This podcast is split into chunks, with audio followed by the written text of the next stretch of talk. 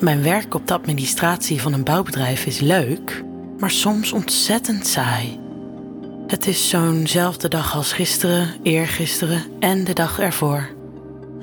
Wanneer er op de deur van het kantoor, wat ik deel met een vrouwelijke collega, wordt geklopt, schrik ik op. Eh, hallo? Ik heb begrepen dat hier een storing zou zitten in een elektriciteitskabel, hoor ik een donkere mannenstem zeggen. Ik stop met typen en kijk verrast naar de goed gebouwde kerel in de deuropening. Er gebeurt eens iets hier in dit saaie kantoor. Hier is. Ik kan mijn zin niet meer afmaken.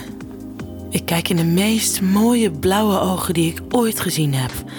Eh, stotter ik. Hier is niets stuk. In de kopieerruimte zit een storing. Jeetje, ik ben al overal geweest, telkens niet op de goede plek. Ik loop wel even met je mee. Automatisch steek ik mijn billen naar achteren en wieg net iets te veel met mijn heupen. Hij volgt me naar de kopieerruimte waar de storing is. Direct gaat hij aan de slag. Met mijn armen over elkaar geslagen, leunend in de deuropening, blijf ik te lang kijken hoe hij werkt. Zijn shirt sluit nauw aan over zijn zongebruinde armen. Zo'n lijf heb ik al veel te lang niet gevoeld. Ik voel me betrapt als hij omkijkt. Dankjewel voor je hulp.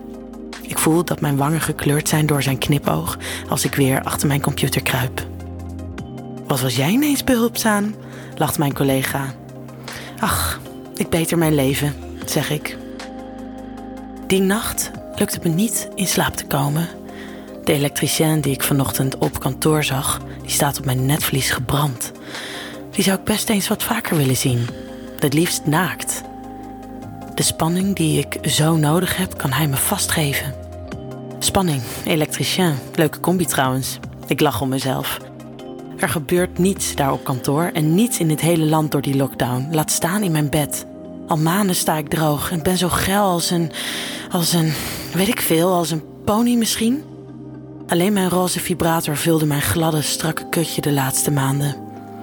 Met een slinks plannetje in mijn hoofd val ik in slaap.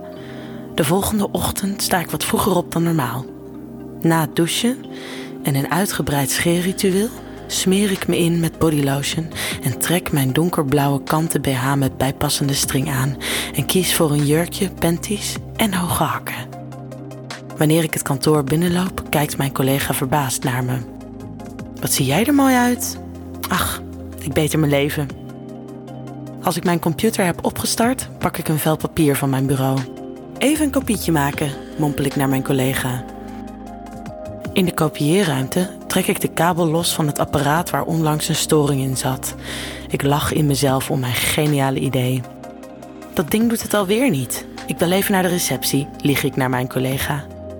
Ze beloven een monteur te bellen. Wanneer ik aan de slag ga, kan ik alleen nog vurig hopen op een ontmoeting met mijn elektricien. Er plopt een mail op in mijn scherm. Er is wederom een storing in de kopieerruimte. Om half twee verwacht de monteur hier te zijn. Mijn plannetje gaat zo slagen. De spanning giert door mijn lijf als een, als een, weet ik veel, een doldwaze tsunami misschien. Om exact half twee loop ik van mijn werkplek naar de kopieerruimte. Mijn hart maakt een sprongetje als ik de deur open zie staan.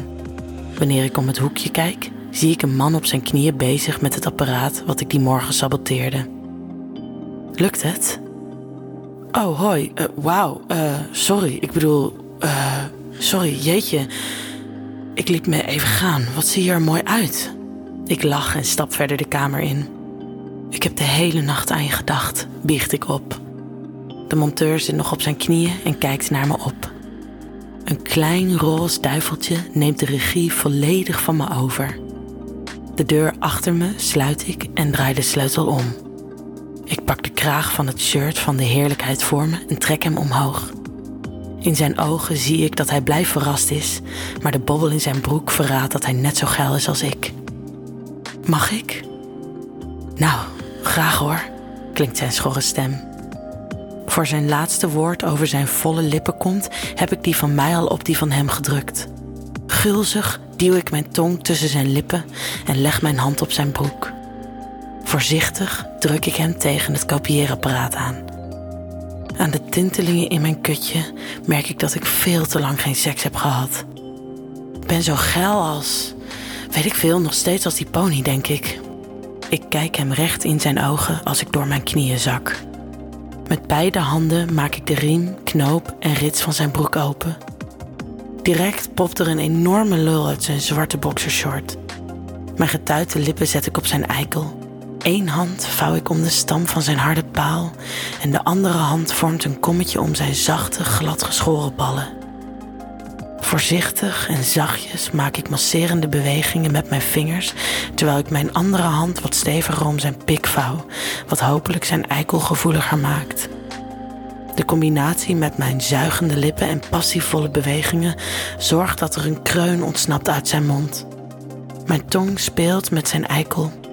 Ik verken zijn goddelijkheid met mijn tong. Hij smaakt lekker, best zoet, in ieder geval naar meer. Steeds dieper verdwijnt zijn harde mijn mond in terwijl ik hem zachtjes begin te rukken en met mijn andere hand het zachte plekje net achter zijn ballen masseer. Ik sta op om mijn hoofd nog verder over zijn pik te kunnen duwen. Hij geeft me net het laatste zetje met zijn hand.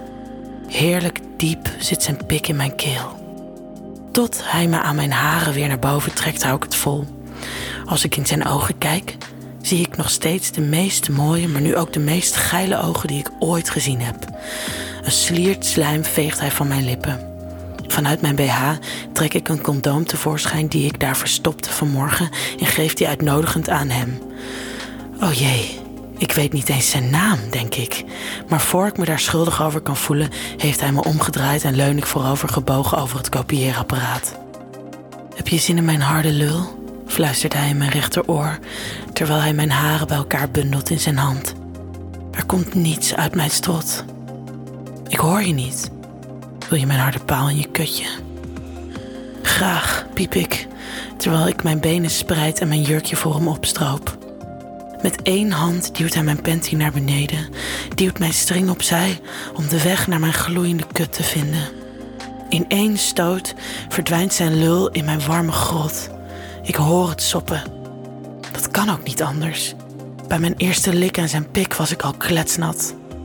Ik zet me af tegen het apparaat voor me. Eén, twee, drie keer stoot hij keihard terwijl hij mijn bungelende borsten ondersteunt met beide handen. De vierde keer duwt hij net wat harder en blijft in me. Ik voel zijn lijf schokken achter me en zijn handen vouwen zich steviger om mijn ronde borsten. Kreunend komt hij klaar. Dan draait hij me om en gaat op zijn knieën zitten. Hij schuift mijn kanten string opzij en begint me te likken als, weet ik veel, als Lassie misschien. Ik kan een kreun maar moeilijk onderdrukken. Hij likt en zuigt mijn klit terwijl hij een vinger in me schuift. Eén vinger worden er twee en ik voel er zelfs drie in me glijden. Ik zak wat door mijn knieën over hem heen, zodat ze precies mijn G-spots raken. Als hij mijn klit tussen zijn lippen door naar binnen zuigt, kan ik het niet meer tegenhouden en laat me gaan. Mijn hele lijf gloeit als een, weet ik veel, een opgestookte kachel. Van totale spanning van al mijn spieren in mijn onderlijf glij ik in een volledige ontspanning. Ik open mijn ogen en zie hem ondeugend naar me kijken. We zwijgen terwijl we onze kleding weer terugbrengen naar waar ze horen te zitten op een werkdag. Dankjewel. Je maakt mijn dag, uh, week, nee, maand zo ontzettend goed. Ik druk een kus op zijn wang. Zonder nog om te kijken loop ik de kopieerruimte uit. Wat bleef je lang weg? zegt mijn collega als ik nog natintelend weer achter mijn bureau kruip. Ach, ik beter mijn leven, antwoord ik.